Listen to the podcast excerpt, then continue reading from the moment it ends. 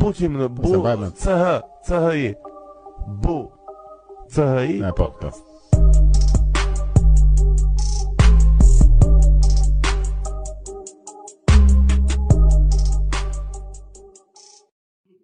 punon një 8 nëntor, do më thënë edhe kthehesh pastaj direkt i fusim në një podcast tashi për kohë darke sikur s'kemi gjë mangët hajde për mirangëzime.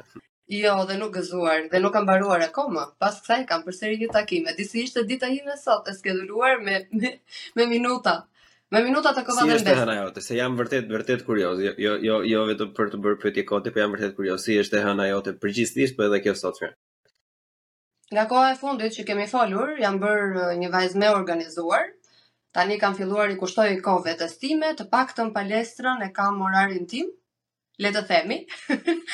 Por shkoj në palestër dhe bëj palestrën, kështu që e filloj ditën tani me stërvitje dhe pastaj filloj me tasket e ditës, delegimin e detyrave, telefonata pa fund, do me thënë nuk e kontrolloj dot më, këtë pjesë nuk e kam në dorë.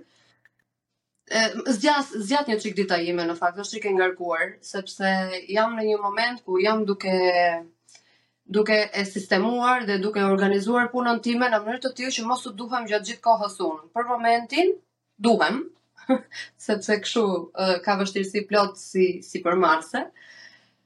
Edhe kështu ditë të zëna, ditë të zëna.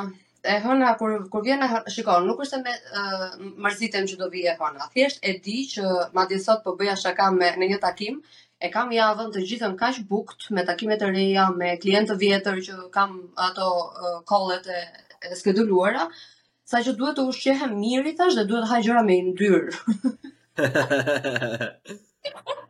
Jo, është, shiko, është, si, si të themi, është fuel, fueli më i mirë për, për energjinë, më i mirë se sa sheqerat, se sheqerat janë budallëqe, do me thënë, nuk të mbajnë jo, ndaj shumë sa të mbajnë yndyrat. Jam bërë vite të tëra që e shmang plotësisht, nëse mundem, po si e shumë, ja, shumë e rëndësishme. Më fal, unë e kam të...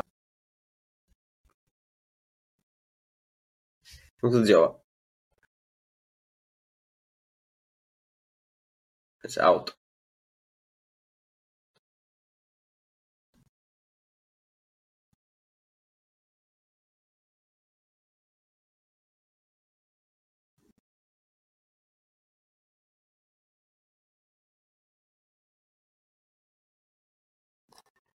Atëherë përsa i përket kafes, unë jam nga ata tradhtarët që kishe postuar ti sot, tradhtarët e kombit, kam lënë kafen Bleron.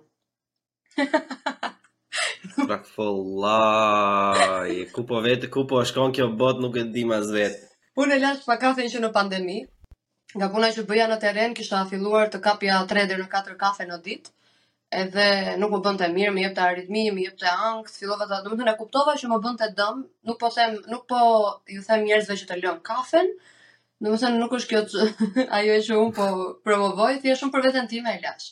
Domethënë ajo që un promovoj te njerëzit është që të jenë të vëmendshëm se si ndihen me një stimulant të caktuar. Në qoftë se ndihen mirë, le të vazhdojnë, në qoftë se jo, ndërpriteni si puna ime. Po kam qen, kam qen nga ato që e pija kafen pa sheqer dhe të shkurtër. Bravo të qoftë. Këtu këtu më bëre krenar përsëri. Jo, çka është e vërteta domethën për deri shaka se ne e kemi bër me Uliadin domethën ideja është se ë në qoftë se është në në kapacitetin e një njeriu edhe un jam pro të lënies së kafes në mënyrë domethën komplet fare, domethënë që mos as mos ta vësh në gojë fare, sepse normalisht pavarësisht se të jep produktivitet, domethënë thjesht të krijon një farë lloj varësie që e paguan shumë rëndë më vonë. Unë vetë kam ë që të ndaj një gjë nga vetja, në fillimet e punës time, domethënë në profesionin tim isha jam gjermanizuar aq shumë sa arrija një litër kafe në ditë pa frikë fare. Po tha amerikano besoj se ekspresin ton me tre e. Kështu French press domethënë. Okej. French press po në nivelin e kafeinës domethënë aty duhet të jetë 5-6 espresso pa frik fare domethënë. Edhe normalisht u krijuan probleme me stomakun, pastaj gjumi nga 5-6 orë normale ja kaloi kështu në 3-4. Edhe në kur filluan problemet me stomakun atëherë e vendosa thashë shif plako se kjo nuk është nuk është gjë normale dhe jam disi krenar domethënë që kam arritur tash që maksimumi kur dal nga vetja janë dy kafe në ditë. Zakonisht është thjesht një tek po, kafe. Me me hapa të vegjël, nuk ka pse të bëhesh drastik. Normalisht, normalisht, ashtu e fillova dhe unë, sepse unë e, e pija, dhe më thënë, si të gjatat këto amerikano, dhe më thënë, si espresso, normalisht pa sheqer, pasaj e, e fillova që po e shtoja me ujë, pa ajo ishte shumë e shumë e uh, nuk shtyhej hiç. Ai shtohet kafe te ujit, të lutem shumë, se obraz i italian na tani. Duke më normalisht edhe Shiko, nuk e jam tjetër, shumë i rëndësishëm që më bëri të lija kafen, është sepse ajo të jep vërtet një boost, por të jep një boost fake. Ku ti harxhon më shumë energji seç i ke në një kohë shumë të shkurtër dhe pastaj kur mbaron efekti i saj ti je i fikur. Kështu që unë nuk mund t'ia toleroja vetes që të kisha momente ku fikesha sepse duhet të jem vigjilente gjatë gjithë kohës, marketingu duhet të kesh vërtet vigjilencë sepse janë detaje të vogla që mund të të shpëtojnë dhe njerëzit i vënë re dhe mund të bëhesh meme, po jo meme për mirë. Normalisht, normalisht. Po jo, është shumë e saktë, është shumë e saktë, domethënë, edhe unë e kam vënë re, domethënë tani thjesht e kam ë uh, kaluar në në në cappuccino, domethënë, edhe po do mundohem ta kaloj kështu në flat white, që të jetë më shumë qumësht se sa kafe. Edhe mendoj se gradualisht mund ta arrij edhe stadin, domethënë kur të ndryshoj edhe çik mënyra e jetesës sepse ajo gjë që për shembull unë kam shumë qejf kur shikoj ato story të tua në palestër edhe jam shumë xheloz po edhe më jep uh, goxha kështu një um, pak zjarr brenda domethënë që dua dua ta bëj dhe unë pse se bëj unë vëlla e kupton pse mos ta bëj dhe unë por që ideja ndryshimi i vetëm është që unë zgjohem në 5 edhe në 7 jam në kantier kështu që jo të kuptoj më së miri unë u bëra 2 vjet të shkëputur uh, nga stërvitja sepse rutina ime ndryshoi, kur isha në punë 8 me 5 as që bëhej të stërvitesha në orar paraditeje si tani, se realisht paska shije tjetër, domethënë unë jam stërvitur, kam bërë vite të tëra stërvitje 7-8 vjet, po stërvitesha mbasdite, domethënë zija gjithë kohën e mbasdites, edhe uh, nuk bëja gjëra të tjera, domethënë hiqja kohën për shembull nga socializimi, nga puna, Po që kam shumë qejf ta bësh paradite dhe si freelancer jam duke e shijuar pa fund. Po mendoj sepse aty ia shikon edhe edhe benefitet më të mëdha se ajo, domethënë boost i energjisë që të jep stërvitja domethënë e kalon çdo lloj kafe sepse je, je, je shumë i freskët. Unë kam bërë disa kohë, domethënë kur isha student që e kisha mundësinë vërtet. Po. por pastaj domethënë edhe duke qenë se edhe që kur fillova podcastin e detyron më merr pjesën për spejt, ato spejt sa të dhe dhe një të natës për shumë dhe këpon është një çikë shumë sforcuese. Ja, jo, tani është puna... Jo mirë, sepse ti shpenzon më shumë energji dhe të mban zgjuar, edhe unë e kam provuar pas, në, më vonë se ora 8. Ndihesha mirë që e bëja, por nuk ndihej mirë trupi sepse ndizej, le të themi, ndizet literalisht, ngrihet temperatura sa të balancojë veten, kështu që Përpiqu që po, normalisht sado për shembull edhe unë që mund të hyj te kategoria e imët, prap kam goxha material për të djegur, domethënë që të të vemi tek ajo tek ajo tek ajo gjëja që duam ose ashtu siç duam ta shohim veten. Edhe normalisht po u ndez trupi aq vonë, domethënë zgjat, zgjat derisa të biesh prap, domethënë të jesh gati për gjumë zgjat goxha kohë edhe nuk është shumë e mirë nëse. Është një cikël pastaj, nëse ti nuk fle gjumë, nuk ke rezultate në palestër. edhe ti bën më fort palestër dhe lodhesh më shumë dhe kalon pastaj në në të kundërtën. Domethënë më kanë ndodhur të gjitha këto proceset, prandaj i them, edhe prandaj i ndaj në faqen time, se më pyesin ndonjëherë që po ç'lidhje ka marketingu me me këto që shpërndan ti, me pjesë nga jeta, me uh, stërvitjen. ka shumë lidhje se një person që nuk arrin dot të kujdeset për veten, s'ka do kujdeset për punën apo për çdo gjë tjetër. Mendoj që kjo është vlerë e shtuar për këdo dhe pse jo mos i motivoj njerëzit. Mua më pëlqen më shumë fakti, domethënë që ta them drejt, më pëlqen për pa pa, pa arsye fare se për çfarë e bën ti, domethënë më pëlqen fakti domethënë që ti e ke vendosur që do të bësh palestër sepse e ndjen veten që kjo është diçka që unë dua të bëj edhe nuk edhe pse nuk je personal trainer, domethënë që s'do ishte kot plot, e prap e shpërndan edhe as nuk të bezdis madje e shikon si gjë pozitive dhe ma ha mendja sidomos për personat që vuajnë vërtet domethënë se ne fatmirësisht tani nuk e dimë si si ta them, por që nuk jemi në atë kategori, por për persona që janë për shembull vërtet me probleme me shëndetit, si si anoreksikë edhe edhe si me, me po. shumë mbipeshë, domethënë kjo gjë i ndihmon, se shikon që shifet se edhe ky personi domethënë që ë duket që i ka gjërat në vijë ose po bën diçka që do vetë dhe i ka krijuar disa gjëra domethënë edhe ky personi po e bën këtë gjë, kështu që mund ta bëj edhe unë, edhe kjo është gjë shumë shumë shumë pozitive. Po, po, po. Ky është qëllimi.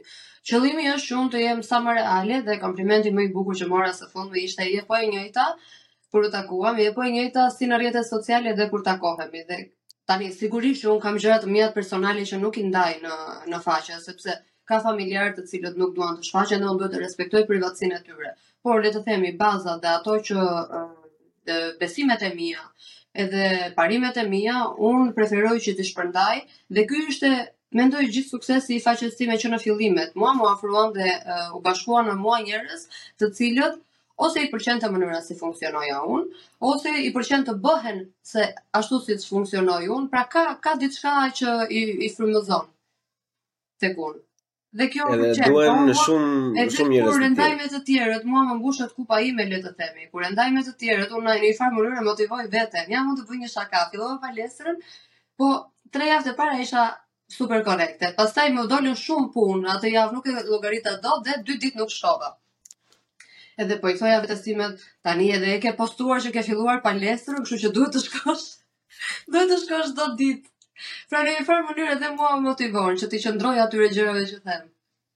Ajo është e bukura, domethënë sepse gjithmonë i, i vendos vetes domethënë një lloj fake detyrimi, qëllimi. Prindi ose njeri që duhet t'i japësh llogari, domethënë edhe mendoj se kjo është jashtëzakonisht shumë e shëndetshme. Është po, është po, vërtet. Ne nuk na e kanë mësuar që ne duhet të ishim prind i vetes me me këto terma. Jemi rritur me idenë që duhet të na rrinte dikush çekan në kokë dhe kur unë fillova jetën si një vajzë e pavarur në shtëpinë time, aty e kuptova thashë, ok, tani duhet të jem një grown up me fëmijën tim të brendshëm. Si unë edhe shumica e njerëzve, domethënë ato momentet ato kur dukej shpia katastrofë në fillim, domethënë pavarësisht se ne kemi mësuar edhe s'dinim të bënim punë të cilat tira në fillim, ishte domethënë që vaj nuk do dije të gjeje ku i kishte lënë një një kështu një bluzë apo një t-shirt, domethënë edhe vaj halli, do të filloje domethënë në gjuhën e popullit si grat dy orë para derisa gjeje atë që do vishje, po që avash avash domethënë, shiko, ndodh ndodhin disa evente ose ndodh që duhet të jesh në një date ose në një koncert, domethënë edhe bëhesh shumë vonë edhe humbet diçka dhe ajo është gjëja më e mirë që mund të të ndodhi se e kupton që damn, plako e humba këtë vetëm se se, s'i kam gjërat e mia në rregull. Prandaj Jordan Peterson edhe ai gjenerali i ushtrisë ka thënë rregullo krevatin në mëngjes, pastaj mbyll punët e tua. Shumë e vërtetë. Shiko, mund të mos jetë se ata e marrin si metaforë krevatin, mund të mos jetë krevati. Mund të jenë disa qëllime që ti ia vendos vetes. Dhe mua më është bërë vërtet palestra e tillë. Më është bërë palestra sepse them, në qoftë se bëra këtë, un tani mund të bëj çdo gjë në ditë, se uh, hormonet e lumturisë, uh, të të qenurit mirë me veten, të prodhohen edhe me me stërvitjen, po përveç kësaj është dhe faktori ë uh, faktori mendor në të cilin edhe psikologjik, në të cilin unë them që tani I can conquer everything. Pra, bëj atë, aq më tepër që unë stërvitem që të arrij të përballoj gjithë nivelin e punës që dua të kem dhe kam. Po ajo është ideja, domethënë që bën këto task, domethënë që janë, shiko, të bësh palestër është, e vështira është të çosh veten deri te palestra. Pastaj ajo prapë është e vështirë se është gjithë ajo lodhje fizike etj etj, domethënë po është mendërisht më e lehtë. Po. Edhe ideja e krevatit ajo është, domethënë që bëj diçka që është e thjeshtë, që ti të jesh i suksesshëm ta përmbyllësh po, edhe me këtë dëshirën e mirë, domethënë ke atë shpërblimin emocional që thua që unë e bëra këtë, po mund të bëj diçka tjetër, edhe tjetër, edhe tjetër, edhe tjetër, edhe del ditës në në krye me këtë uh, punë, domethënë. Po s'je mësuar me këto, sepse ishim mësuar që gjithë gjithë kohën na thoshte mami që hiqi çorapet nga aty, bëj atë atje, vër atë atje, bëj këtë kështu, e kupton, edhe kur s'i ke, kur s'i ke njeri që t'i thotë ato fillimi është shumë i keq. Edhe ti të takon madje që të shërohesh a le të themi nga mënyra si jemi rritur, Sigurisht që prindërit tanë janë uh, heronj, se po t'i krahasosh me prindërit e vendeve të tjera, sigurisht që kanë kaluar shumë sfida, por prap mënyra e rritjes nga ata ka qenë pak le të themi, jo për të rritur një individ të ndërgjegjshëm, po me urdhra bëje se duhet pa logjikë, e kupton dhe ne nuk e kuptonim realisht se pse duhet ta bënim ose më saktë Në shkollë unë s'kisha prirje për një lëndë dhe ia thoja familjes time që nuk ndihem mirë, nuk është se hyni në thellësi që dale kjo vajza jonë, mos ndoshta nuk është e prirur për këto degët edhe ne duhet ta orientojmë pak në këtë tjetrën, po ishte mëso dhe mbaj mend timat ishte ish ushtarak, vinte dhe i thoshte vet zyshës time të gjimnazit, i thoshte vetë që në qoftë se vajza ime nuk vjen një ditë me detyra, ke të drejtë të bësh çfarë të duash dhe unë e shikoja kështu dhe thoja Që what the fuck is... Ndërkohë unë isha një rebele... Plako do t'je zanë në tjetër. Ndërkohë unë isha një super rebele. Por m'u desh shumë kohë që të mësohesha me këtë faktin që duhet të të mësoja çfarë dija edhe të mësoja nga e para. Se duken kështu si shaka, por realisht të ndikon, domethënë është një ndryshim shumë i madhë. Unë nuk e di si e ke përjetuar ti se ti ke ikur jashtë dhe ndryshon çdo gjë. Por edhe për mua vetëm fakti që dola nga shtëpia dhe duhet të merresha me gjithçka ishte një si etapë tjetër e jetës. E jo, ka qenë normalisht edhe për mua ka qenë përveçse përveçse e vështirë, por më shumë ka qenë e çuditshme, domethënë se ndryshe nga të gjithë ata të tjerët që kemi ardhur, domethënë, ëm Unë kam pasur atë nickname-in në, në familje Gjermani, ma se isha njeri i ftohtë, nuk kisha shumë qejf të përzihesha kur isha fëmijë, domethënë, edhe ajo u përkthy edhe kur erdha këtu, sepse unë nuk ndjeja asnjë lloj ndjenje të keqe, domethënë, në fillim, të gjithë ishin kështu overwhelmed, që o bo bo çfarë do bëjmë, domethënë, që unë isha që... Okay. Unë kam zbritur për herë të parë në stacionin qendror të Berlinit dhe është well, Këto kemi, çfarë do bëjmë? Më kupton, ishte racional çdo gjë, por kur kaluan ato 3-4 muaj, pastaj muaji 5, muaji 6, aty filloi, e kuptova që shife plako ë duhet të bëjmë një pakt me veten time që të bëjmë çik nagging, kupton, të bezdisim çik veten që të të arrijmë të bëjmë disa gjëra sepse unë e kisha jashtëzakonisht të pamundur, domethënë dhe përbrendësisht edhe një natë më vinte, edhe për të përtuar përtoja, veten e shaja, domethënë, po. edhe pastaj fillova kështu, edhe me kontrata në letra, për shembull, si për provime, si për gjëra, do bëjmë këtë. Deri në këtë ditë, do bëjmë këtë, edhe në qoftë se kjo ti arrin të bësh këtë gjënë deri në këtë datën e caktuar, atëherë do t'i lejosh vetes të blesh një palë atlete, se unë jam një çik femëror, kështu që vdes për këpucët. Edhe shumë gjëra të tjera për shembull ato budalliqe ose kur kur bëja me veten veten time para pasqyrës kur laja dhëmbët domethënë në mëngjes që do bëjmë këtë sot ë mos mos rri shumë në telefon se kemi kemi gjëra të tjera domethënë edhe me kalimin e kohës pastaj kur këto u ngurtësuan në trurin tim tani s'kam nevojë fare për shembull sepse gjithë gjithë kohës në mënyrë pasive më mendon truri çdo lloj gjëje çdo lloj tasku domethënë ka filluar dhe unë që nga hera e fundit që kemi folur bashkë domethënë bëj edhe për punën edhe për podcastin një to do list gjithë kohës çdo ditë çdo gjë që kam bërë dot e fi tore. Unë të nderoj, më pëlqen shumë ky ndryshim. Të do të faleminderit, shumë faleminderit. Ja, e shikon, edhe ky është një kompliment jashtëzakonisht shumë i mirë për shkak jo, jo, sepse e kam e kam pasur është një nga gjërat më të vështira që mund të kem bërë në jetën time. Pa frikë fare. është një nga gjërat më të vështira është që të ta ulja bythën me nder muhabeti siç thot populli domethënë edhe të shkruaj o vllai ke këto gjëra për të bërë do i do i mbarosh në këtë ditë lëre takimin me ato uh, gocat lëre takimin me atë ditën që do bësh vendosni një orar të saktë jo do bëjmë nesër do bëjmë pas nesër vëre atë tjetrin atje lije një hapësirë bosh tani ka filluar dhe patenta për shkak që jam duke bërë patentën edhe Është çdo gjë po. që fillon në orën 6 të mëngjesit dhe mbaron në orën 8 të darkës, çdo gjë domethënë, edhe por më e, rrëfehem domethënë që nuk jam ndjerë asnjëherë më mirë. E shikon? Pavarësisht pavarësisht ngarkesës domethënë, kështu që. E përmende që... ti, arsyeja sepse është mirë të punojmë ne me veten, është sepse ne fillojmë të ndihemi fajtor kur i vendosim qëllime vetes dhe nuk i realizojmë dhe ky mund të jetë vibrimi më i ulët i njeriut, të ndihet fajtor. Guilty, dhe ne jemi rritur me këtë ndjesinë e guilty, e kemi shumë normale, e kupton, po duhet të çmësohemi, sepse faji na bën të mos ecim përpara, faji na bën të mos ndërmarrim hapa. Domethënë faji na sëmur literalisht. Kush ka dëgjuar Joe Dispenzën apo se të gjithë po e thonë sot, nuk nuk është se po e shpik unë, uh, literalisht na sëmur ndjesitë dhe emocionet tona na sëmurin. Dhe ku ka më mirë se ti të Të vendosësh një task, të vendosësh ca detyra dhe pastaj ta ta shpërblesh veten tënde. Sa hormon i mirë gjenerohet, sa mirë ndihesh, domethënë unë quaj gjatë ditës i ndaj uh, tasket në hapa të vogla, i copëzoj. Në qoftë se është një gjë shumë e vështirë për t'u bërë, filloj i marr një nga një, për shembull duhet të përgatis këto elemente, duhet të mbledh data, duhet të mbledh këto të dhëna, duhet të bëj researchin dhe në fund pastaj do ulem, po ama kur i kam mbledhur të gjitha, më lehtësohet shumë, gjysmën e kam bërë punën. Edhe mua m'u desh një farë kohë. Un kam, nuk e di si quhet sindroma që duhet të jetë çdo gjë në rregull, duhet të ketë çdo gjë vendin e vet. Domethënë edhe kjo përkthehet... Jemi, jemi raca e tillë, jemi rritur. edhe kjo përkthehet në rutinën e punës, domethënë 100% edhe... Um, unë kam një bezdi diçka, që atë mailin, postën, domethënë, e dua ta kem bosh. e dua ta kem bosh e gjithë kohës duhet të kem përpunuar çdo email domethënë edhe kur u shtua intensiteti i punës se gjatë gjithë kohës e bëja në mëngjes këtë punë domethënë në mëngjes bëja atë xhiron e parë shikoja ku ishte çdo gjë ktheja deri në orën 9 domethënë nga ora 7 vija në deri në 8 kisha mbledhur këto variabla që përmende ti domethënë po thjesht në fushën time nga ora 8 deri në 9 kisha mbaruar gjithë ato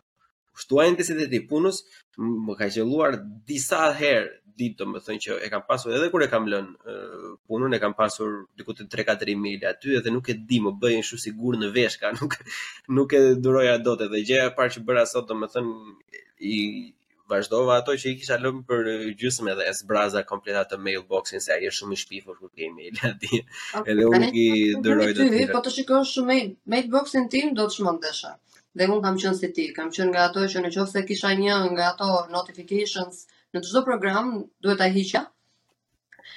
Të betohem unë provova. Rëndësi ka që unë emailet të cilat janë emaile pune të rëndësishme, i kam të arkivuara të gjitha të sejvuara, se tani në qasë po na vijnë email, Tani jemi të subscribe kudo dhe nuk e di mbushet plot për të kuptoj.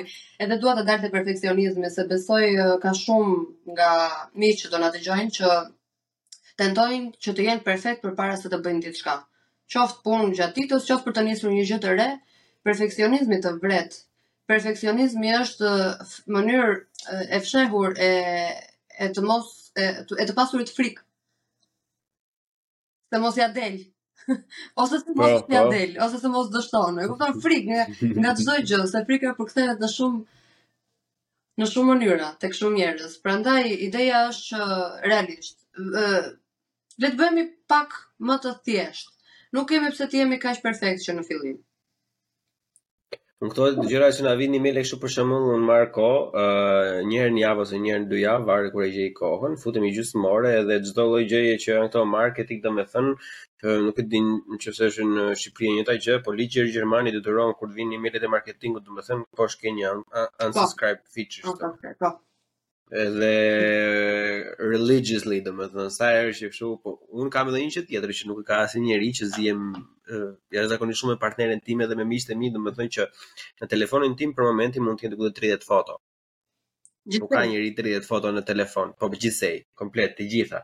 Sepse ç'a bëj unë, domethënë në momentin që jam në tren, filloj domethënë që i fshi shumicën, ato që më që dua t'i mbaj kujtime i bëj upload në Google Drive me datën kur është bërë backupi.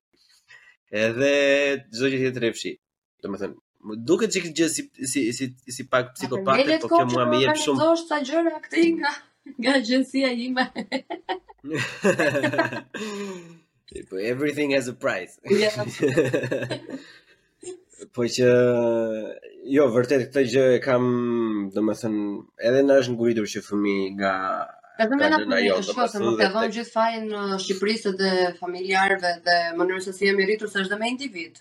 Ka dhe njerëz kudo që janë të fiksuar me, le të themi, rregullin, me të qënurit korrekt, nuk është e thënë. I më jo, thjesht të gjejmë një balancë të mesme. është shumë mirë kjo që bën ti, është great, ti qenke shumë i organizuar, ti paske bërë shumë ndryshime. po pra po, është jam jam shumë krenar me veten, edhe pavarësisht se nuk e them. Tek telefonata. Por unë jam shumë krenare për ty, edhe ne të gjithë që do të dëgjojmë. shumë faleminderit. Tani na trego një çik për veten tënde, çka ka ndodhur që që herën e fundit, domethënë ai projekt, si kanë hecur gjërat, çka kemi ndonjë gjë të re. Tani kjo ishte një verë goxha e ngarkuar, edhe si të gjithë sipërmarrësit dhe unë kaloj sfidat e mia, so mund të flas për këto pavarësisht se nuk preferoj të mos flas shumë. Gjithsesi kaloj sfidat e mia. Ka qenë një verë me punë të reja, me sfida që përmenda ishte me pjesën e bashkëpunëtorëve që jo gjithmonë uh, përputhen gjërat, por vjen një moment që ti i zgjidh. Kam ca projekte në kokë që nuk i kam uh, finalizuar, për të cilat nuk flas dot. nuk flas dot ende. Normalisht. Por që sigurisht që kam projekte dhe nuk e di këto sot për shembull po komunikoja me një mikun në me një mik me të cilin jemi njohur madje në rrjetet sociale edhe po më thoshte e gja ke super zë radiofonik i thashë podcast jam shumë mirë do jem në darkë në podcast Ose radio, do marr një, një program në radio, në podcasting, se në ka një gjë që më pëlqen mua, është më jep një mikrofon dhe të flas. Perfekte. Edhe kështu, nuk është se kam një ndryshim të madh, nuk pushova dot shumë, pak ditë, edhe në ato pak ditë më shumë punova, po iku shumë shpejt, domethënë, një njeri që punon kaq shumë, nuk e kupton fare, nuk, tamam ishte kështu, uh, janar, shkurt, mars për që është orë O, oh, zoti madh, ashtu ka qenë dhe unë. Unë nuk pushova fare këtë verë, domethënë, edhe mendoja se do e kisha të vështirë, po që Erdhi gushti dhe unë jam me të gjata, me të gjata se po ndihesha ku, ku vajti vllai. e kupton është megjithëse shiko, edhe gushti gjerman identifikohet si, si, si tetor, kështu që e, kemi, e kemi këtë gjënë. E kemi këtë gjënë. Po bukur, bukur, çfarë shiko, desha do të të të, të, të bisedonim për ca gjëra bashkë.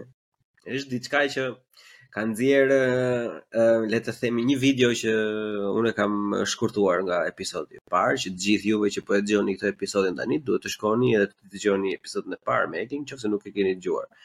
Edhe të bëni rikuperimin e gjithë informacionit të humbur. Kur kam prerë një video të shkurtër, domethënë kur flasim për mënyrën e reklamimit të vetes, e ke parasysh që mesazhi ishte tejet pozitiv që duhet të përveçse duhet të jesh nerd apo se të jesh ekspert për fushën tënde, duhet edhe ta shesësh produktin që ti ofron, qoftë kjo koha jote, qoftë çfarë lloj gjëje të jetë.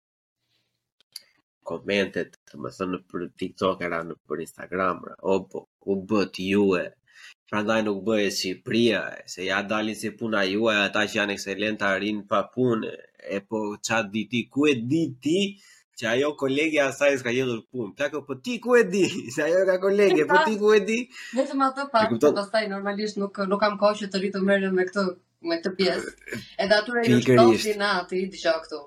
Një marketere shumë e famshme, ë tregonte metodën se si ai se tregojmë një metodë meqenëse prandaj duhet ta ndjekin këtë podcastin. ë thoshte një nga mënyra se si unë u rrita që në fillimet e mia ishte sepse paguaja njerëz që të më bënin komente negative.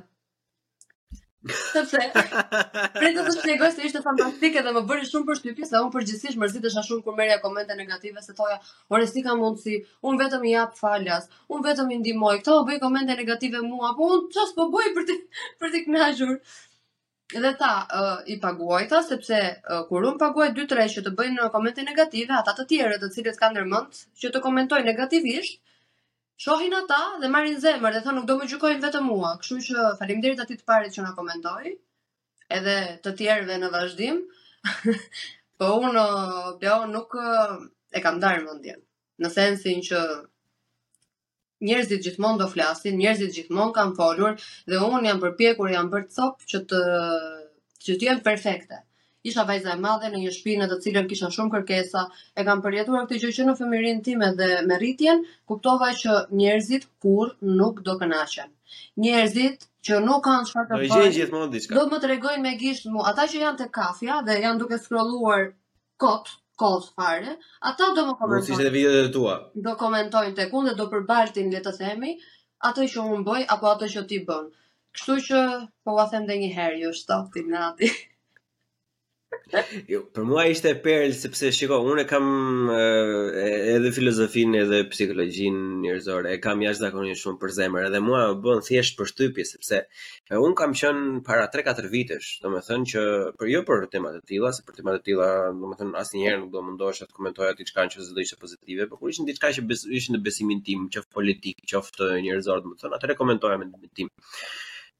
Kur kam vënë re diçka, domethënë që edhe e them edhe nuk më vjen keq fare, edhe nuk i heq dorezat te kjo pjesë që mua më vjen shumë keq për shumë nga këta njerëz, të them të drejtën, sepse e kuptoj që jeta e tyre nuk është aq fani, nuk nuk ka aq aktivitet mjaftueshëm që ata të zënë kohën e tyre, sepse për mua um, kërkon një lloj um, një lloj të veçantë njeriu, domethënë që merr kohë nga jeta e vet po jo një, po me komente, me komente, me komente me radhë, mund të bëj një, ka ke një rit, do të ketë tjetri që thotë që vë në dyshim atë punën e pellazgëve, domethënë ke njerëz që kanë bërë minimumi një 50 komente atje. Kupton tani ti je një dikush që po merr kohë nga jeta jote, nga një video shumë e shkurtër në TikTok e një bisede një orë e gjysmë apo dy orë sa është ajo, domethënë, e ti vendos të japësh çdo lloj gjëje që që që ti ke aty brenda, domethënë çdo lloj vreri, çdo lloj bullizimi, çdo lloj ta bësh tjetrin të ndihet keq, domethënë kurse un jam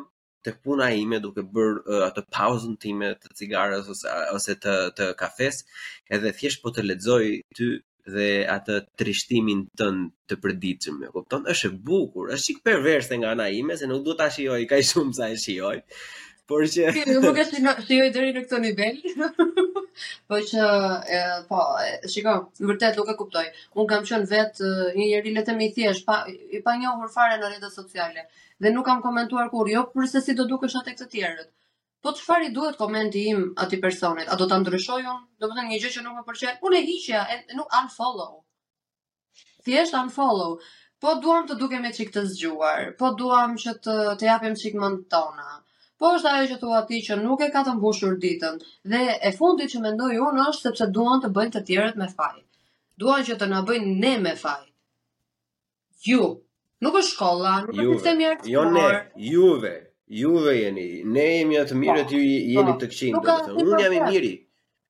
Unë jam ai heroi me shpatën e argjend që po luftoj kundër juve, juve demonëve që vini nga fundi i ferrit.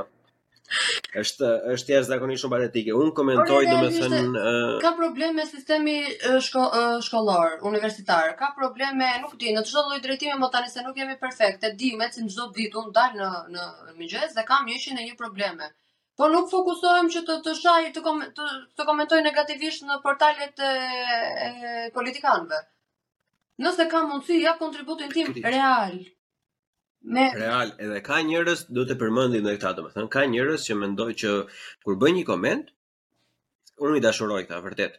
Bëjnë komente të tipit domethënë që unë nuk mendoj kështu sepse 1 2 3 këta unë un vdes për këtë gjë, sepse ky individ është kaq shumë pro, produktiv, domethënë sa nxjell nxjerr një farë debati, as nuk shan, as nuk thotë jeni legena, as nuk thotë kështu, domethënë për shkak që Mendimi im është ky, le ta diskutojmë. Unë këto i kam shumë për zemër dhe inkurajoj çdo lloj individi, domethënë që të bëjë nga këto lloj komente, por kur fillon domethënë ju jeni plehra u bëre, kush je ti u bëre ti, po i ka çana dela fletun TikTok i kanë deri bëra ne, e kupton ti. O plak, po po pse ti të TikTok-u im domethënë, e kupton? Kjo është është e një. Po mirë, mo çfarë duan njerëzit? Se shiko, kushdo që del kanë nga një koment negativ. Çfarë duan njerëzit? Kë duan përpara? Kë duan uh, uh, të shfaqet dhe të thotë uh, gjëra? Nga nga kush duan të dëgjojnë? Se me thënë të drejtën, ne, ne shikojmë në rrjetet sociale për shembull, dhe jo vetëm, ne shikojmë që ndiqen disa personazhe që I'm sorry, por nuk kanë asnjë vlerë për të shpërndarë përveç unë u jap meritën për pikat e dobta që i gjejnë këtij populli dhe bëhen të famshëm. Kaq bëjnë ata. Dhe ata i ndjekin. Domethënë ti, kohën tënde e harxhon ta dëgjosh atë personin, ndërkohë, unë kam bërë një research para se të dal të flas. Domethënë, kam, uh, nuk është se dal flas kot by default, edhe, ok, ky podcast është ndoshta një çikë më chill, më i relaksuar, edhe tema është më e relaksuar, po sido që të jetë ti përgatitesh para se të dalësh, po ndoshta nuk e kanë prekur, po s'i prekën njerëzit, po s'patën eksperiencat e tyre, nuk kanë për t'i kuptuar ndonjëherë. Jo, po ata që ne kishim që po mbanim në gojë tani për momentin ishte se nuk është ideja fare se çfarë thua ti apo çfarë them unë, kupton? Ne nuk luajmë asnjë farë lloj roli aty. Ata thjesht e, e, është një plugin, domethënë thjesht gjejnë atë dozën e mundshme kur ku të shfryjnë mllefin e tyre të përditshme. Dhe është okay, mo. Shiko, në qoftë se unë një një 40 vjeçari, Në qoftë se unë mund e, e, e ndihmoj një 40 vjeçar të nxjerrë mllefin në TikTok se sa të rrahë gruan, domethënë, unë jam krenar për punën time. Jo, e vërtetë është po. shiko, fjalët mbartin energji dhe njerëzit duhet të jenë shumë të kujdesshëm çfarë nxjerrin nga dhe çfarë artikulojnë. Po kur të bëhen të, të ndërgjegjshëm këta njerëz, domethënë bota do ishte shumë shumë më ndryshe, do ishim një kolektiv. Nuk e di a ke parë filmin La Belle Verte, ta sugjeroj ta shikosh. Është, domethënë është fantastik, ashtu do ashtu do jetë bota kur ne të gjithë të sillemi me njëri tjetrin siç duhet. Deri atëherë, sugjerimi im për të gjithë njerëzit është eksploroni jetën, edhe shikoni se ka ngjyra të ndryshme.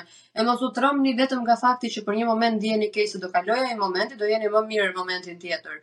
Është çdo gjë jo e përjetshme. Për fat të mirë dhe për fat të keq. Domethënë Edhe relaksohuni. Ti varet si e shef gotën gjysmë plot apo gjysmë bosh, kështu që. Relaksohuni, relaksohuni se jeni gjithë kohën me duar të shtrënguara këtu, sikur do bëni do e zgjidhni ju me mendjen tuaj dhe me grushtat tuaj. Jo, po ta lëshosh mendjen, atëherë do shikoni që do ju vijë zgjidhja. Më besoni mua. Dhe jo vetëm. Një gjë që ka që ka marrë pak ka marrë goxha shumicën e feedbackut te kjo te kjo prerja tjetër e ka marrë të mirë, domethënë, ka pasur dhe pak negativ, ishte pjesa kur ti e përmend në mënyrë 100% të saktë, të paktën sipas botëkuptimit tim që Duhet të mësohemi me dështimin edhe duhet ta përqafojmë në mënyrë që të kemi mundësinë ta analizojmë, domethënë për ato çka vijnë më vonë. Ëm um, shumë njerëz e, e e kuptojnë këtë gjë, domethënë, po kishte nga ata domethënë që po ju luzerat kështu mendoni, domethënë që po, të dështosh është gjë e bukur. Po, po unë kur kuptova këtë që unë mund ta pranoj që jam luzer në një situatë, unë aty e superova veten time. Do ta kuptosh kur ta bësh këtë gjë, domethënë djali ose vajza që ka komentuar. Atëherë do ta kuptosh këtë gjë, domethënë fjala luzer, fjala, fjala është fjalë. Dhe dështimi, se hajde të të, të japim një konotacion dështimit, një një shpjegim fjalës dështim. Çfarë quajnë dështim njerëzit? Unë, unë nuk vdiqa se më dështoi për shembull një projekt. Nuk mbaron Egla këtu, nuk mbaron misioni i Eglës, nuk mbaron misioni jot. Pra çfarë është dështim në të vërtetë? I kemi vënë një emër, një gjëje që nuk funksionon në këtë mënyrë në këtë moment të caktuar, do funksionojë në një moment tjetër, ndoshta s'është koha akoma, ndoshta kushtet nuk janë të duhura, ndoshta jo njerëzit e duhur. Ndoshta ti s'je gati për të të ndodhur ajo gjëja. Siç mua nuk më ndodhën ato që dëshiroja, unë mendoja veten time u rrita, u rrita me idenë, ta kam shpjeguar tek podcasti i parë çfarë shkollash kam mbaruar dhe u rrita me po. idenë që unë në farmaceutik do arrija nivelet maksimale të rritjes time që ishin nivelet uh, country manager, domethënë atë kisha dëshirën time. Rrugës e kuptova që ajo gjëja nuk me sa duket nuk është se më bënte mjaftueshëm të lumtur. Sigurisht, sigurisht që është e bukur, e kam shijuar dhe e kisha rrugtimin tim drejt asaj. Po po iknin shumë vite dhe me ato hapa, me dhe shikoja këtej që njerëzit po ecnin me vrap, biznese, zhvillime, startups, domethënë këtej gumëzhinte dhe unë që ecja kështu me. nga një punë, sa merrja veten tek një punë, më hiqnin nga puna, duhet duhet të filloja prapë avash avash derisa të kapja ritmin, thashë me vete Egla po shkon 30 e kusur vjeç, edhe nuk ke më kohë që të eksperimentosh gjëra të një sistemi të cilin s'e ke krijuar ti, krijo sistemin tënd.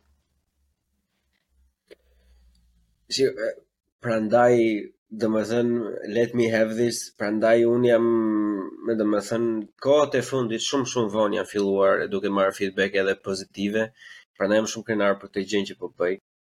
Pa pavarësisht shifrave, pa pavarësisht çdo lloj gjëje. Shiko, unë kam e para fare në formatin që bëj unë në podcastin pa diskutuar shumë i mirë shqiptar. Edhe deri para ca kohësh më vinte shumë turp, por tani s'po më vjen më turp, sepse e para fare që ta thoja. Pa diskutuar Po pra po që ta thoja, e kupton, po që e para fare nga të gjitha që kanë njerëz që debatojnë, unë kam uh, by a fucking landslide të ftuarit më interesante dhe më me me horizonte shumë të gjera. E para nuk diskutohet fare. Një big up për ty që bën 10. Edhe e di si lidhen gjërat me njëra tjetrën sepse uh, duke diskutuar këto që po thosh në për pjesën e failure e tjere e tjere, bashkohet me idenë time, domethënë që njerëzit janë të martuar me idetë e tyre dhe kur diçka s'i funksionon duket sikur vdesin vetë, domethënë, edhe bashkohet me një diçka që ka thënë një ftuar i tjetër, që është Uliadi. Uliadi ka thënë domethënë që E përshëndesim Uliadin, Uliadin e kam ndjekur kur kur vjen në Tiranë që bën uh, komeditë e tij, e kam uh, jam fanse e Uliadit. E shikon Uliad. Yes, por jam e di më një shumë. Prandaj duhet të jesh pranë njerëzve. Se unë isha ajo që e ngacmoja nëpër batuta. Kur ishte. Do të mbaj mend me me, me siguri. Uliadi ka thënë domethënë ndër të tjera, domethënë që ne si shqiptarë, po më shumë edhe brezi i prindërve tanë, ka këtë hunger mentality, domethënë që çdo gjë duhet të jetë që të sjellë lek apo jo. Bën lek. Mhm. Mm mm -hmm. Kaq, asnjë gjë tjetër. Edhe e ka thënë tek episodi 72 ai, domethënë që e kupton është shumë pak njerëz që bëjnë pyetjen që a të plotëson ty kjo gjëja. E kam ndjekur. A të bën ty të ndihesh mirë etj etj. Edhe këto unë po mendoja uh, pardje, të dielën apo dje, dje. Uh, dje të dielën po mendoja për këtë gjë, domethënë kur po bënim ca video të shkurtra të tjera që po thosha që damn plak, kupton, shiko janë këto janë gjëra që janë nga tre njerëz të ndryshëm që komplementojnë njëra tjetrën, formojnë atë puzzle-in e kësaj pikturës së madhe, domethënë që një ne jemi të martuar me idetë sipas mendimit tim dhe vdesim kur na vdesin idetë për shkak se kemi frikë nga dështimi siç e the ti dhe nuk e përqafojmë dështimin dhe të gjitha këto vijnë sepse ne e lidhim çdo gjë me hunger mentality që ka thënë Uliadi, domethënë. Edhe kjo kur unë e realizova këtë, domethënë që këta njerëzit domethënë nuk jemi takuar asnjëherë në të njëjtin vend, në të njëjtën kohë tre veta dhe mesazhet për përputhen njëra tjetrën është një gjë amazing. Unë uh, besoj që edhe ti e shijon po si unë. Unë kam njohur miq virtualë me të cilët nuk jam ndier si me njerëzit me të cilët mund të kisha kaluar vite të tëra. Sepse ne na bën bashkë i njëjti qëllim, na bën bashkë i njëjti vizion, na bën bashkë i njëjti vibe. Nuk takohemi rastësisht. Unë jam pak uh, natyrë që mendoj uh, se ne uh, rrimë rreth njëri tjetrit dhe bashkohemi dhe takohemi një ditë në kohën e caktuar, sepse kemi misione, secili prej nesh, nuk është kaq e thjeshtë. Pra, përshtatet me atë që thotë Uliadi. që më pyetën dhe mua kur fillova në fillimet e mia që po bën ndonjë lek me këtë gjë, mirë që po shfaqesh, mirë që po ke kaq shumë ndjekës, miq virtualë i quaj unë, ndjekës thoshin, mirë që ke kaq shumë ndjekës, po a po bën ndonjë lek? Dhe isha kaq e qetë sepse në atë kohë, prandaj them që çdo gjë duhet të ndodhi në kohën e duhur, se po të kishte ndodhur kur isha pakëz më e vogël, unë do kisha hequr dorë nga gjithë këto komente dhe se janë Unë nuk i quaj të forta sepse i kam përballuar, por kur të ndodhin në familje, në njerëz të afërt, ti fillon dhe mendon, thua me vete, po të rrish se nuk nuk po fitoj, domethënë ça të bëj me këtë gjë. Ndërkohë, durim, nuk ka dhe nuk vijnë dhe gjërat menjëherë. Domethënë ka pas dhe gjëra në jetën time se dua t'i ndaj sa më shumë edhe dështime. Unë hapa një biznes online me veshje sportive. Kam qenë e dashuruar me sportin gjithmonë dhe doja diçka që të kishte të bënte me sportin dhe ishin këto me crop top, siç është uh, ideja e Gymsharkut. E ke parasysh ato uh, si më po, set, po, po. sete pa pa qepje? Ishte shumë interesante, ishin shumë të bukura që zgjidhja, por në atë kohë nuk kisha informacionin e mjaftueshëm, më humbi faqja, më morën kompetitorët, nuk e di, ndoshta thjesht për qef. Dhe më ngeli i gjithë produkti i fundit që kisha prodhuar, që e kisha loguar, e kisha bërë brendimin, domethënë kisha shpenzuar pak për të. Më ngeli aty dhe në atë kohë sapo kishim dalë nga pandemia, ndrova punë dhe e ke parasysh e lash pas dore. Po, uh, nuk hoqa dorë nga online-i, nuk hoqa dorë nga nga çfarëdo lloj gjëje tjetër se nuk funksionoi ajo dhe për më tepër nuk ndjeva Nuk ndjeva turpun se do mendonin njerëzit që ia nisi Egla dhe nuk funksionoi. Përkundrazi sa kohë e kishte, funksionoi. Në një moment të caktuar iku dhe it's okay. Njerëzit duhet të mësohen të të thonë it's okay, domethënë jemi mirë sido qoftë. Jo të martohen me idenë, siç thotë Uliadi, dhe është totalisht e vërtetë është mënyra si na është rrënjosur.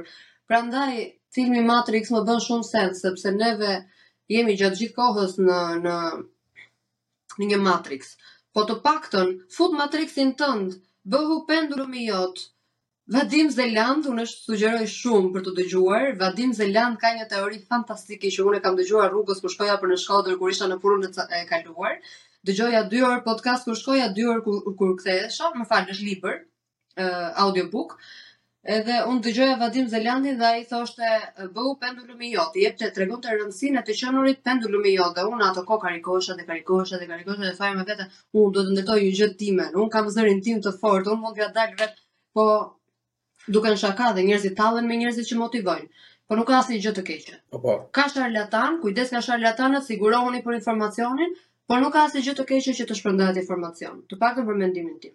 nuk e di çfarë mendimi ke ti, po ne si popull kemi shumë, shumë nevojë që të marrim mentalitete dhe mindsete të tjera. Unë mahnitesha kur dëgjoja kur takoja jashtë në Shqipëri nuk para të rastiste, po kur takoja jashtë njerëz me atë mendësinë e tyre të qetë, ë nuk shumë ndryshe nga ne.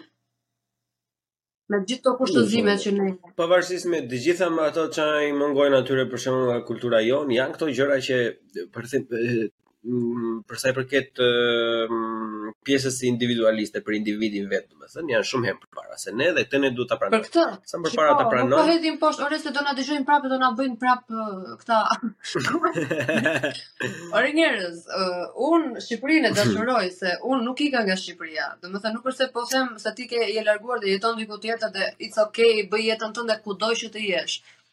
Por nuk po shaj Shqipërinë dhe vlerat tona. Shqipëria ka super vlera, të cilat ne duhet t'i marrim edhe t'i rikthejmë sepse keni filluar i shtrembëroni të gjitha.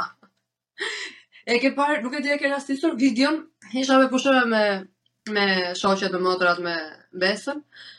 Edhe isha në jug, po ndjeva një lloj vibe, vendi jot, e ke parasysh ai perëndim i bukur. Edhe u frymëzova dhe bëra një video shumë të bukur. Isha vetëm me telefon, atë ditë s'kisha aparat që të bëja ndonjë cilësi shumë të madhe, por që doli shumë e këndshme. Dhe flas aty vendos të tregoj historinë se para disa muajsh isha në mes dilemës që të largohesha nga Shqipëria apo të jetoja në Shqipëri. Dhe e filloj titullin ë uh, doja të largohesha nga Shqipëria, nuk e mbaj mend eksaktësisht, por jo, dua të largohem nga Shqipëria, kështu mendoja derisa pika pika lexo përshkrimin. E, e di se sa komente kam marr që shanin qeverin rrugët atë këtë dhe po të lexosh përshkrimin tim është i gjithë i fokusohuni te vetja ajo që po flisnim për individualizmin pra nuk e shohin nuk e shohin në këtë këndvështrim por prap unë mendoj që edhe pse mua më komentojnë tani në një moment të dytë do t'i kujtohet se si do që të jetë edhe mua më kanë ngelur në mendje gjëra për të cilat më përpara nuk isha gati që t'i dëgjoja Sepse ti duhet të jesh gati, duhet të hapësh mendjen. Dhe të hapësh mendjen bëhet me shumë mënyra.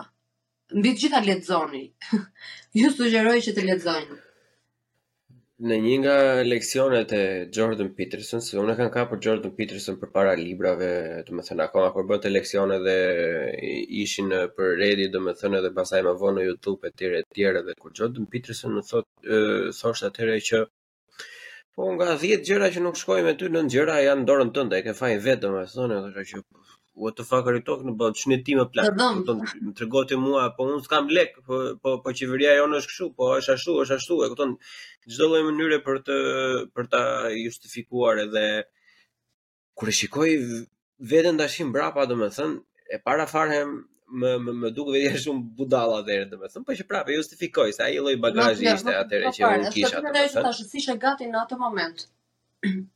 Pikërisht, po që un kam edhe një mendje me budallait domethënë që do ta dëgjoj diçka derisa ta kuptoj, kështu që edhe këto gjëra që thoshte ky, edhe pse mua këto më bënin kështu outrageous, domethënë do e dëgjoja prapë deri domethënë që ta kuptoja thelbin ku ishte dhe e kuptova që po plako, shumicën e gjërave e kam unë e krijoj unë e kupton sepse shumica e gjërave i krijoj unë e kupton qof marrëdhënie personale qof marrëdhënie në punë unë i lejoj njerëzit të të të të kërkojnë gjëra nga mua unë i lejoj në punë që t'i marrin gjërat e mia kështu for granted domethënë unë i lejoj çdo lloj gjëje domethënë unë i lejoj sepse nëse unë do jem pak gjerman në thonjza që do themi që vajti kjo është puna ime dhe unë nuk bëj asnjë presje më shumë domethënë pavarësisht se unë nuk e nuk nuk jam pro kësaj ideali, po që prap duhet në momentet e duhura. Është janë gjithmonë si karta që duhen lozur atëherë kur të të, të hapet krahu, domethënë edhe Që të japësh kontribut dhe të bërbosh? Është shumë e thjeshtë të ndryshosh veten, që është gjëja më më vështirë që unë kam mësuar që më është dashur shumë kohë. Po. edhe e kam e kam përjetuar në moment në mënyrë më të më të keqe dhe nuk mendoj akoma se jam gati ta ndaj se si, por që shumë gjëra ndryshojnë me veten tënde kur uh, njeriu mëson të thotë jo. Domethënë, po, nuk e di në qoftë dhe ti je në njëjtin mendim. Unë akoma jam duke mësuar. e di pse, sepse ne jemi edukuar që të jemi people pleaser, t'i kënaqim të gjithë, të jemi të mirë në sytë e gjithëve. Dhe unë po luftoj, po ha veten me dhëmbë që uh, nuk më duan të gjithë, e kupton?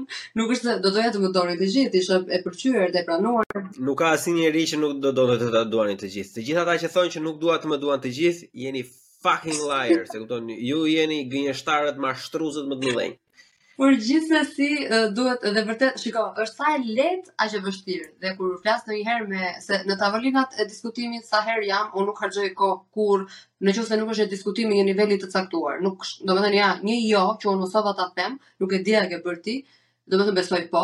Unë them jo për takime në të cilat unë e di që nuk do ketë vlera. Për mua, jo për tjetrin, jo për gjykim, jo se unë jam më lart apo më poshtë. Thjesht për mua ky nuk është vibe i duhur.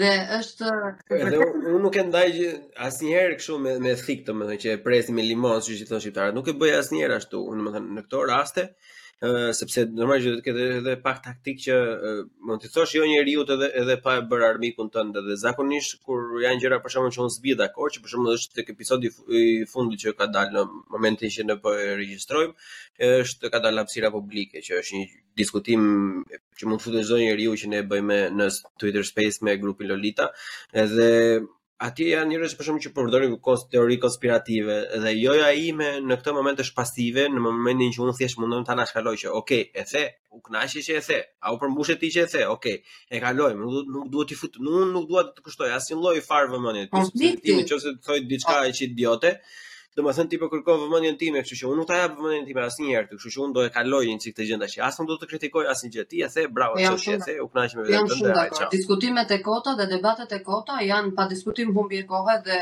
është e ke parasysh ato meme se nuk bëhen kot meme dhe gjërat. Ajo që thotë mos diskuto kurrë me një budalla, e thotë po pse mos diskutosh me një budalla pikërisht. Yeah. That's the fucking point. Thank you for proving my point. E kupton dhe është. Kjo është arsyeja. Po, pavarësisht se jam inxhinier o Egla, domethënë e ka e ka vënë re që unë e adhuroj njerëzimin edhe e adhuroj njeriun si si si si krijesë, domethënë edhe në qoftë se ndryshe nga shumë shumë kolegët e mi që thonë që oh, në qoftë se unë s'do isha inxhinier ndërtimi, do isha inxhinier X apo do isha fizikant, Unë nëse nuk do isha inxhinier ndërtimi, është e padiskutueshme që do isha diku në histori, psikologji, filozofi. Shiko, Leon, pavarësisht se ndoshta bën një punë tjetër, unë unë shpresoj që të të plotësoj dhe të të të, të përmbush gjatë gjithë kohës, që të ndihesh mirë kur bën punën tënde, por ti po bën diçka tjetër. Ti i ke bërë uh, lëvizjet e tua për të për këtë humanizmin, për këtë që kemi vërtet të dy shumë dashuri dhe unë njësoj. Domethënë unë e dua njerëzimin, ashtu siç është, me të gjitha ngjyrat, se në fund fundit është i gjithi eksplorim. Prandaj është e bukur e gjitha gjëja. Shiko, unë punën që bëj, domethënë, me të gjitha ato të meta që ka, me të gjithë konservatorizmin, me të gjithë, domethënë, bullshitin që ka inxhinieria e ndërtimit, domethënë, sidomos në pjesën e project management që unë jam uh, në të cilën unë punoj, domethënë, Mua ajo punë më përmbush në çdo lloj pjese, domethënë, sepse un vdes edhe për debate, domethënë e kam edhe relativisht të thjeshtë edhe edhe të vendos ato që un dua të them edhe ajo është pjesa e fundit edhe pozicionin e tillë e kam që ja lejoj vetes këtë gjë tashmë mbas 3 viteve, domethënë erdhi dita. Kështu që ëm um, edhe edhe kjo është gjë shumë e bukur, unë ja sugjeroj të gjithëve që unë e gjeta mbas uh, le të themi afërsisht diku te 10 gjërave që un kam provuar e gjeta atë hobin tim, domethënë dhe gjënë tjetër që më përmbush anën tjetër që s'ma përmbush puna që është podcasti e të flas me njerëz. Se njerëzit mendojnë që po provuan vetëm një gjë dhe nuk funksionon apo nuk i përmbush, nuk di unë, nuk e di çfarë dua. Eksploroni më, eksploroni, tek e dhjeta mund të jetë, mund të jetë tek e treta, mund të jetë tek e dyta, nuk ka rëndësi. Domethënë, ideja është, shiko, unë në në një space, para shumë kohësh, se nuk është edhe shumë e hajri kjo fjala, po unë kam thënë në një space që duhet të hash aq shumë mut, sa të jesh i rëndë mjaftueshëm që mos të të lëvizi era. nuk e kisha dëgjuar ndonjëherë këtë shprehje, po mund të ma shpjegosh. po e kam thënë unë se isha isha kisha kisha kisha tashmë 6 birra në vendin tim. Po ajo që doja të thoja unë me këtë ishte që o plak duhet të provosh aq shumë gjëra të këqija, domethënë duhet të duhet të prandaj po, po. siç e themi në shqip ha mut, domethënë duhet të kalosh aq shumë gjëra të këqija sa të arrish në një farë stadi, domethënë që atë që ti e do mos të lëvizi më opinioni, ah, okay, apo diçka e po. tjetrit apo trendi apo gjë. Po ti të jesh, domethënë, steady, të jesh me këmbët në tokë, fort, e të thuash që unë do i bëj ballë kësaj dhe derisa t'ja derisa t'ja dal. Po, po.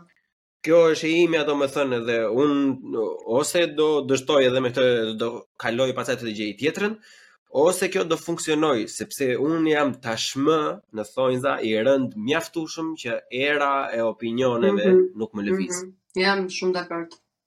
Jam shumë dakord. Edhe kështu, domethënë, me shumë seansa me veten para pasqyrës dhe me shumë gjëra të tjera domethënë arrin njeriu që ta kuptojë që në qoftë se diçka nuk të kënaq po puna me veten në çfarë konsiston tek ty përveç faktit që ti në pasqyrë ndryshon ok domethënë cilët janë ato elementet që ti mendon ty të kanë ndryshuar mendësinë me pika ë gjëra që mua më kanë ndihmuar, domethënë e para fare ka qenë ajo që unë e kam të lindur që un jam jashtëzakonisht shumë kurioz. Kjo është gjëja e parë që mua më ka ndihmuar të të përmirësoj veten. Një, duke qenë kurioz, un e kam detyruar veten të jem i hapur ndaj çdo lloj mendimi, ndaj çdo lloj debati.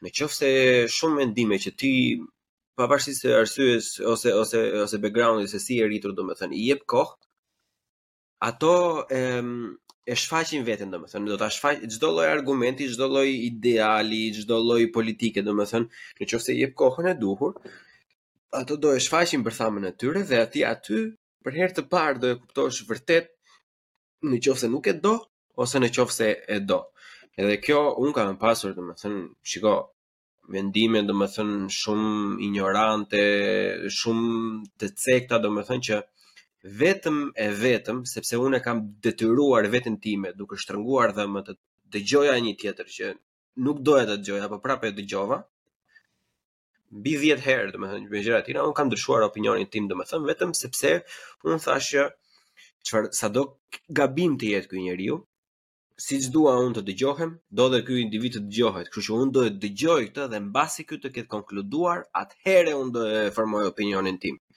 Edhe kjo ka qenë primarja fare. E dyta pastaj ka qenë leximi që unë nuk theva, e kam përmendur edhe podkaste të tjerë, por mos t'u mbajtur gjatë, unë jam rob që e kam jashtëzakonisht shumë të vështirë të lexoj, jam zakonisht viziv ose dëgjues edhe shumë materiale i kam konsumuar normalisht në mënyrë audio edhe rikthimi pasaj prap në lexim më ka bërë të ndryshoj edhe shumë opinione të mia edhe edhe shumë gjëra se si mendoj or fjalë formim si si si flasun si i drejtohem njerëzve etj etj kam një mikun tim më shumë të mirë Eltonin që e përshëndesim tash për shembull Edhe ai është aq individ pozitiv domethënë dhe qesharak ashtu që e kam unë qef që e, e, para disa episodeve me atë e kam vënë re dhe njerëzit unë kam një gjë që e kam pasur nuk e di unë kaloj jam volatil shumë edhe ndryshoj shumë gjëra përdor fjalën plako shumë fare mm. deri në momentin që Eltoni më tha që plako Hiqe këtë plako, e kupton që kill it. Kill it, domethënë mos mos e përdor më se e përdor domethënë në katër fjalë pesë herë është plako, kështu që edhe A, më pëlqen. Duke e vënë veten në këtë lloj pozicioni, duke e vënë veten në lloj pozicionin, domethënë që je vulnerable, je gjithmonë në rrethin tënd. Gjithmonë njerëz të besuar që e di që nuk ta kanë me të keq. edhe je i hapur për të diskutuar çfarëdo lloj teme që t'i përshtatet dhe formatit, atëherë qielli është limit. Kjo bisedë iu përshtat shumë formatit tim.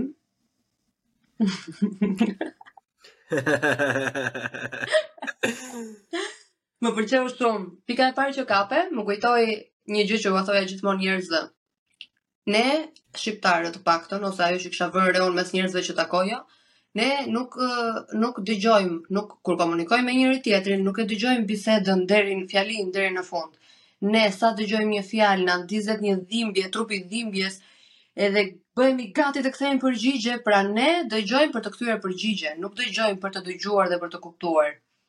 Edhe unë, po të njëjtën gjë e kam ndryshuar ndoshta se mund edhe un kam qen shumë më ndryshe. Domethënë kur e kujtoj veten time, hell yeah, kam ndryshuar dhe shyqyr, se kur më thon njerëzit që ke ndryshuar shumë, them, epo, uji duhet të rrjedhi që të jetë i pastër, e kupton? Që të pastrohet. Kështu që jam glad që nuk jam siç isha më parë. Dhe kështu, dhe pikat e tjera pa diskutim, edhe unë, edhe leximin, ë mësimi i të thënit jo dhe njerëzit me të cilët rrija. bën shumë ndryshim tek unë. Pastaj u fiksova ne talleshim me pleqtë kur thoshte ndonjë gjysh ose ndonjë xhaxha ose ndonjë shok i babit, domethënë ato shprehjet nga ai libri i Naim Frashërit me me fjalë të urta të popullit, domethënë që më thuaj me kë rri të të them se cili je. Ka shumë të drejtë. Ah, burrë me këto tashi o burrë i dheut tashi na thoni ju e dini ju, ju jeni të vjetra la ça dini ju kanë ndryshuar bota. Ideja është që kalon mosha pastaj edhe shikon që Plako. Po, plako. O zotri, je në një moment do me thënë që në qoftë se ti fa, është është therëse dhe unë akoma e, nuk e kam kaluar atë stadin që ta ta, ta shikoj si normale. Është therëse si fjali, po që Në qoftë se e rrethon veten me njerëz që vërtet nuk kanë diçka të planifikuar në kokë. Unë nuk po them që ti do planifikosh Teslën e ardhshme dhe do konkurosh po. Elon Musk-un, aspak ma po. valla. Po duhet të kesh një ide për diçka që do ta provosh, edhe të dështosh, të thyesh turinë, domethënë edhe të ngrihesh pastaj prapë përsëri. Po ideja është që është të kesh të njëjtën grinjë, të kesh të njëjtën grup shoqëror. Si ti, të kesh të të paktën të njëjtën mendësi, qoftë edhe edhe thjesht ta diskutosh diçka pa e provuar, ama të diskutosh në atë nivel. Ti e ke vënë re, besoj në tavolinat shqiptare ku thashethemnaja është kryefjala, më the të thashë filani, fisteku, kur vinin njerëz dhe më thoshin më tha, X-i për ty, i thoja po mirë ma, arsyeja që ka ardhur ta ka thënë ty, do të thotë që ti i lë hapësirë njerëzve të flasin. E kupton, je ti problemi. Mbylle ti zinxhirin. Më kanë mësuar një shprehje që kur kam qenë vullnetare në një organizatë, ë më ka mësuar CEO-ja i organizatës, më ka ngel në mendje, tha grekët janë shumë të zgjuar sepse thonë nuk di, çfarëdolloj gjëje që vijnë njerëzit e tjerë thonë, "Oh, nuk di, unë nuk di." Dhe aty mbyllet mbyllet kordoni i thashethemeve. Dhe ishte amazing, ishte fantastike. Unë mezi u përpoqa atëherë të bëja ndryshimet e mia, po është shumë e vështirë në një ambient ku thash, pastaj dëgjova dhe si e ka libri do me iku tani.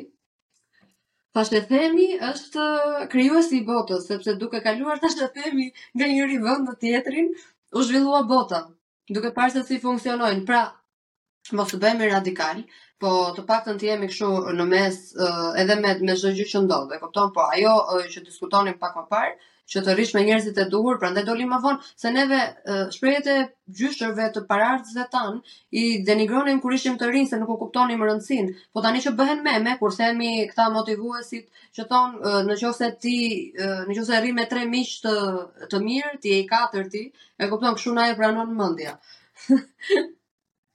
Që e di pse janë me që dole, meqë përmende grekët. Këto koincidencat unë i adhuroj. Pardje, dje në darkë para se të flija, po bëja scrolling me këto. Se unë e kam faqen time, domethënë ato që ndjek janë gjatë gjithë kohës kështu filozofi, domethënë real life story, e tjera, e tjera. Edhe, kishte bërë një video të re, nga këto, text to speech domethënë, edhe diskutojnë paraqisin diçka që ka thënë Aristoteli kur i thoshin thashetheme, vete dikush i thotë Aristotelit domethënë që ëm um, un kam dëgjuar diçka për këtë mikun tënd. Edhe përpara se ai të fillonte Aristoteli thotë ti e ke të sigurt këtë që po që do që do më thosh që s'ma ke thënë akoma? Jo, nuk e kam të sigurt, por që ma ka thënë dikush. Okej. Okay. A është diçka e mirë rreth mikut tim? Jo, nuk është diçka e mirë tha. A do më ndihmoj kjo gjëja mua që ti do më thuash? Tha po edhe nuk do nuk nuk është se të ndihmon direkt tha. Atëherë çfarë të kam bërë un ty i thot Aristoteli këtij? Kjo është butchery, nga un po e po. them vetëm aq sa mbaj mend. Tha çfarë të kam bërë unë ty që ti do më thosh diçka që nuk e ke të sigurt të vërtetë apo jo, që flet keq për miqtë e mi dhe që nuk do ndihmoj asnjërin atë. Tani pse po më vjen? Po ofendon literalisht. Domethënë, ka mundësi të jetë nga kjo prejardhja e se fjala pastaj e ke parasysh pas sa herë rithemi e ndryshojmë e ndryshojmë kontekstin, po e ndryshojmë mënyrën se si e themi, po konteksti nuk duhet të ndryshojë dhe është shumë e vërtetë, domethënë nuk duhet harxhuar koha kot në asnjë mënyrë, është një gjë, një një gjë nuk na kthehet, është koha. Unë do doja të kisha më shumë kohë të bëja edhe 10 projekte të tjera në të njëjtën kohë. Po s'ka. dhe e mban mend kur e thoshin prindrit, thjesht ishte mënyra e gabuar, po thoshte nuk do kesh kohë thoshte ime më, sepse është një super zonjë, mami im, jo se është mami im, por është nga ato zonja që mua më ka mësuar shumë, shumë në jetë. ka punuar shumë dhe më thoshte Egla do të iki koha mami, do të fluturoj koha dhe bëj gjërat në kohën e duhur. Për shembull, lashë diplomën e farmacisë, duke qenë se shqyr o zot mbarova dy fakultetet, e lashë e shtyva mbrojtjen e diplomës, atë që ne quhet për të dhënë të drejtën e për të pasur të drejtën për të kryer aktivitetin tënd. Edhe e shtyva një vit, dy vjet, tre vjet dhe vinte mami e shkreta, po të lutem mami, po hiqe ma, mbaroje këtë gjë se të ikën koha mami. Edhe do ti, që erdhi shumë shpejt koha që e kuptova që fluturonte. Dhe kisha djegur shumë orë dhe shumë dhe shumë kohë, edhe për çfarë e jepja atë kohë. Se mirë, mirë që e digja, domethënë, po na me me asnjë gjë që më vlente mua. I vlenin të tjerëve, mbushja kohën, le të themi, të njerëzve të tjerë. Hajde të ikim këtu, hajde të dalim, a je për një kafe, se ti e di shprehjen tonë, a je për një kafe. E kishim kështu orar pa orar. Pa skedulim, unë tani jam në atë fazën që realisht s'e kuptoj si kam dalë ashtu pa skedulim. Se mund të dal tani për veten time, për të bërë diçka të shpejtë apo një walk apo vrap apo një gjë që të heq mendjen, mund ta bëj pa skedulim, po të më thuash ti mua nga tani për tani hajde se dua të dal, unë nuk e di si e bëja më parë. Dhe e shoh që ndodh rëndom. Është Është edhe faji jo vetëm i kulturës, por edhe i sistemit shkollor, ata se nuk na kanë mësuar, po le ta marrim këtë një minutë çik hapësirë, domethënë për të për t'i kushtuar çik vëmendje prindërve tanë, domethënë, shiko, un jam i bindur që edhe ti ke pasur të njëjtin model prindi që kam pasur un, të paktën me kaq sa ndan me me mua edhe Në kohët e fundit, kohët e fundit, këto 2-3 vitet e fundit, domethënë, vërtet i kemi hapur sytë se një familje me tre meshkuj dhe nënën tonë, domethënë, që ça ka bërë ai individ vërtet, domethënë, për ne, edhe sa e rëndësishme ka qënë për ne, për meshkuj, e tjerë, e tjerë, Sidoqoftë, nga organizimi vetjakor e nga gjërat më idiote që mund t'vijnë ty në mendje deri tek ato më largpamëse, domethënë e njëjta gjë siç thua ti që mos e shtyj atë thjesht mbaroje, hiqe, domethënë edhe etj etj. Edhe mm, un kam pasur, shiko, unë ia kam nxirë jetën. Kam qenë fëmijë jashtëzakonisht shumë i keq, domethënë edhe sidomos vitet e fundit, domethënë tre vite nuk ishte ditë që mos të ziheshim, mos bëre, ia kam bërë vërtet shumë të vështirë domethënë, edhe shumë mirë e kam bërë që e kam bërë shumë të vështirë sepse këto më kanë shërbyer edhe mua dhe sime mëje. Edhe sime mëje i kanë shërbyer që të kuptojë që dale sepse një im, djali im është një person i vetë dhe do t'i mësojë gjërat shumicën e kohës dhe në mënyrën e fortë, domethënë me me, me shembuj eksakt. Por më kanë ndihmuar edhe mua për faktin tani që shoh mbrapa, domethënë që Më bëhet jashtëzakonisht shumë qefi dhe jam shumë falënderues që asnjë gjë që unë kam dashur nuk ka qenë e thjeshtë, sepse në në qoftë se unë do ta kisha po-në gjatë gjithë kohës, unë do isha thjesht një piece of shit, e kupton që nuk do isha ë nuk do isha gati për të luftuar me asnjë gjë. Edhe në këtë arenë që përkthehet direkt në arenën e punës që kam unë. këtë arenë që kam unë, që unë duhet të zihem minimumi me, me pesë firma, ditë për ditë, domethënë që gjëja të funksionojë, Në qoftë se mua ime më do më kishte thënë po, direkt, me herën e parë, domethënë unë nuk do isha i përgatitur për jetën time do thoshe që u po pse po më thotë ky jo, mua mama më ka thënë gjithmonë po, la, unë jam rritur gjithë jetën time më ka thënë po. E këto gjëra i shikojmë pak vonë.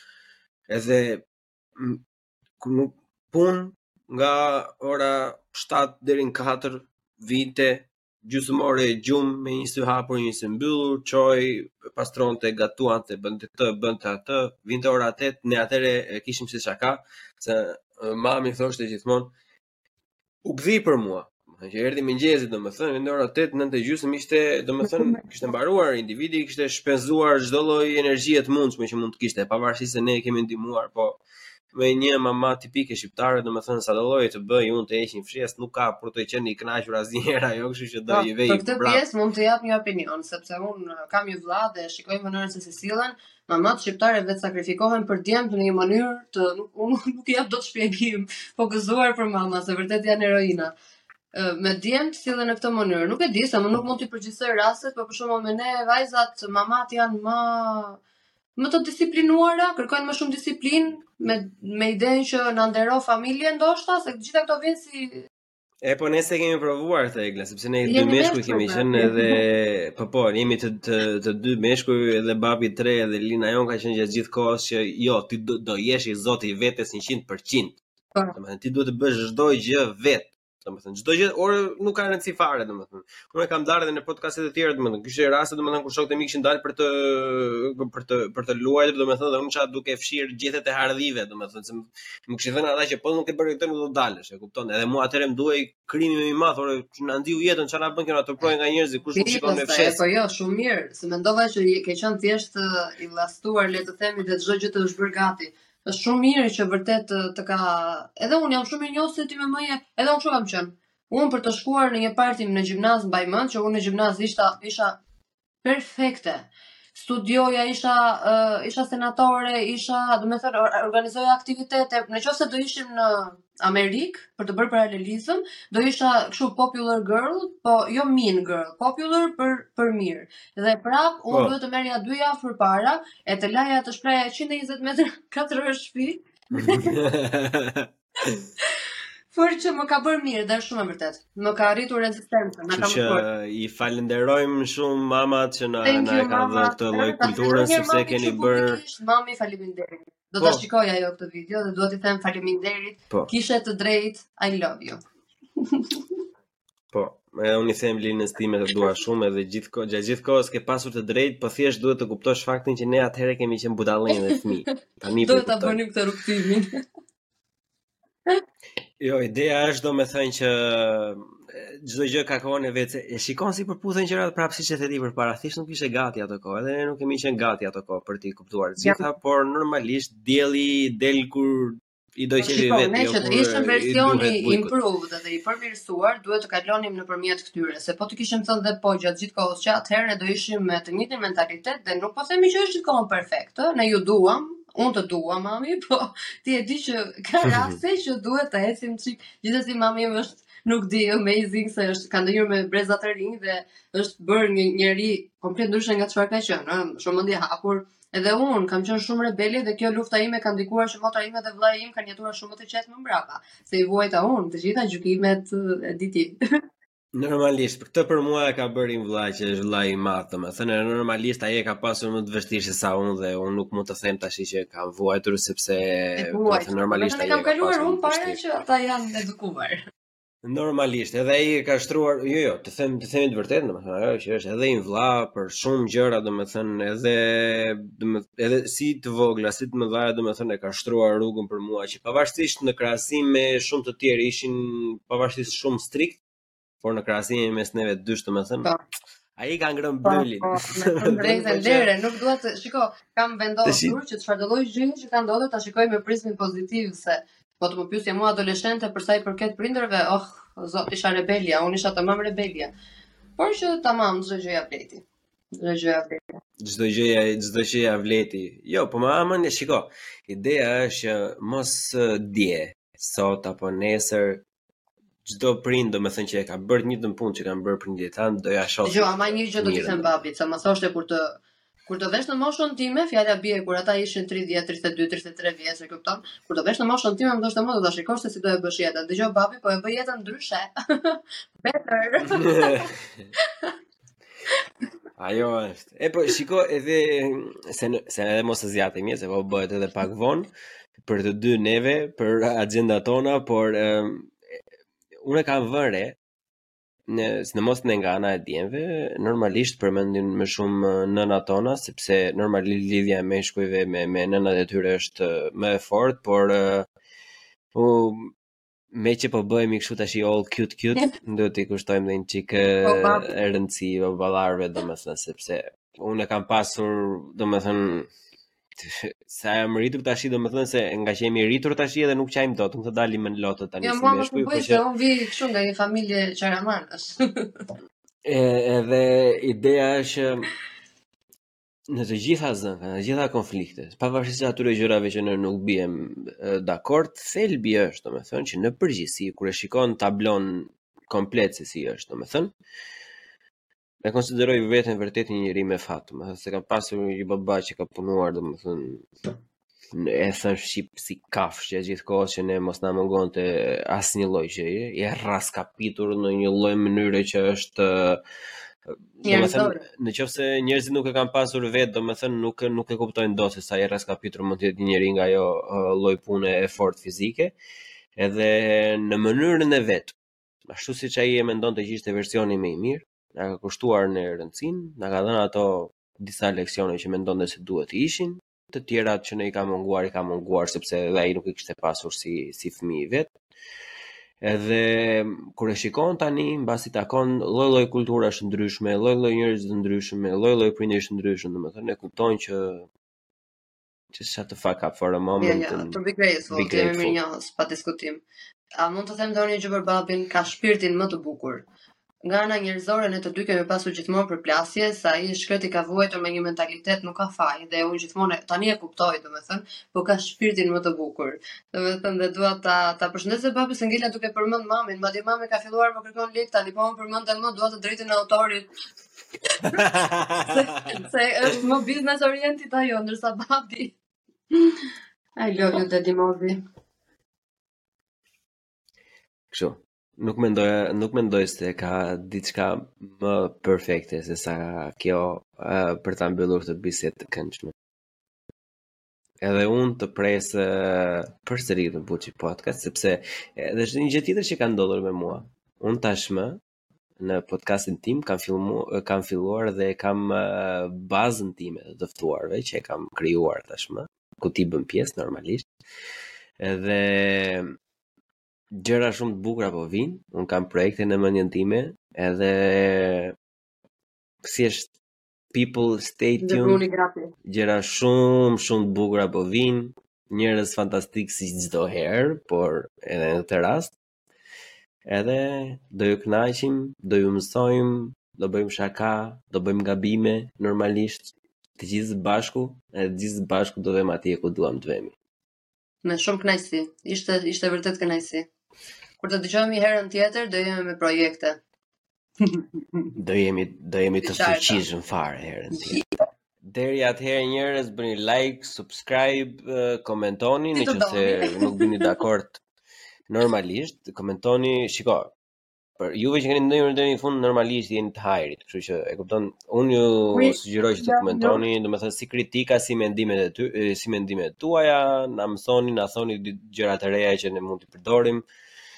Edhe do të shkoni, domethënë që unë se besoj se ka, po në qoftë se ka ndonjë nga ju që ndjek Buçin dhe, dhe nuk ndjek Heglen, domethënë, normalisht në, në përshkrimin e videos do jenë edhe linket e social media të Hegles, edhe shife Tani nuk ka asnjeri çfarë të humbi dhe mëson çdo ditë diçka. Kështu që dëgjoni nga Buçi, fjalët e mia zakonisht ecin, kështu që Në episodin tjetër do më shpjegosh pak këtë të Buçit ose e ke thënë diku dhe më thuaj ta dëgjoj.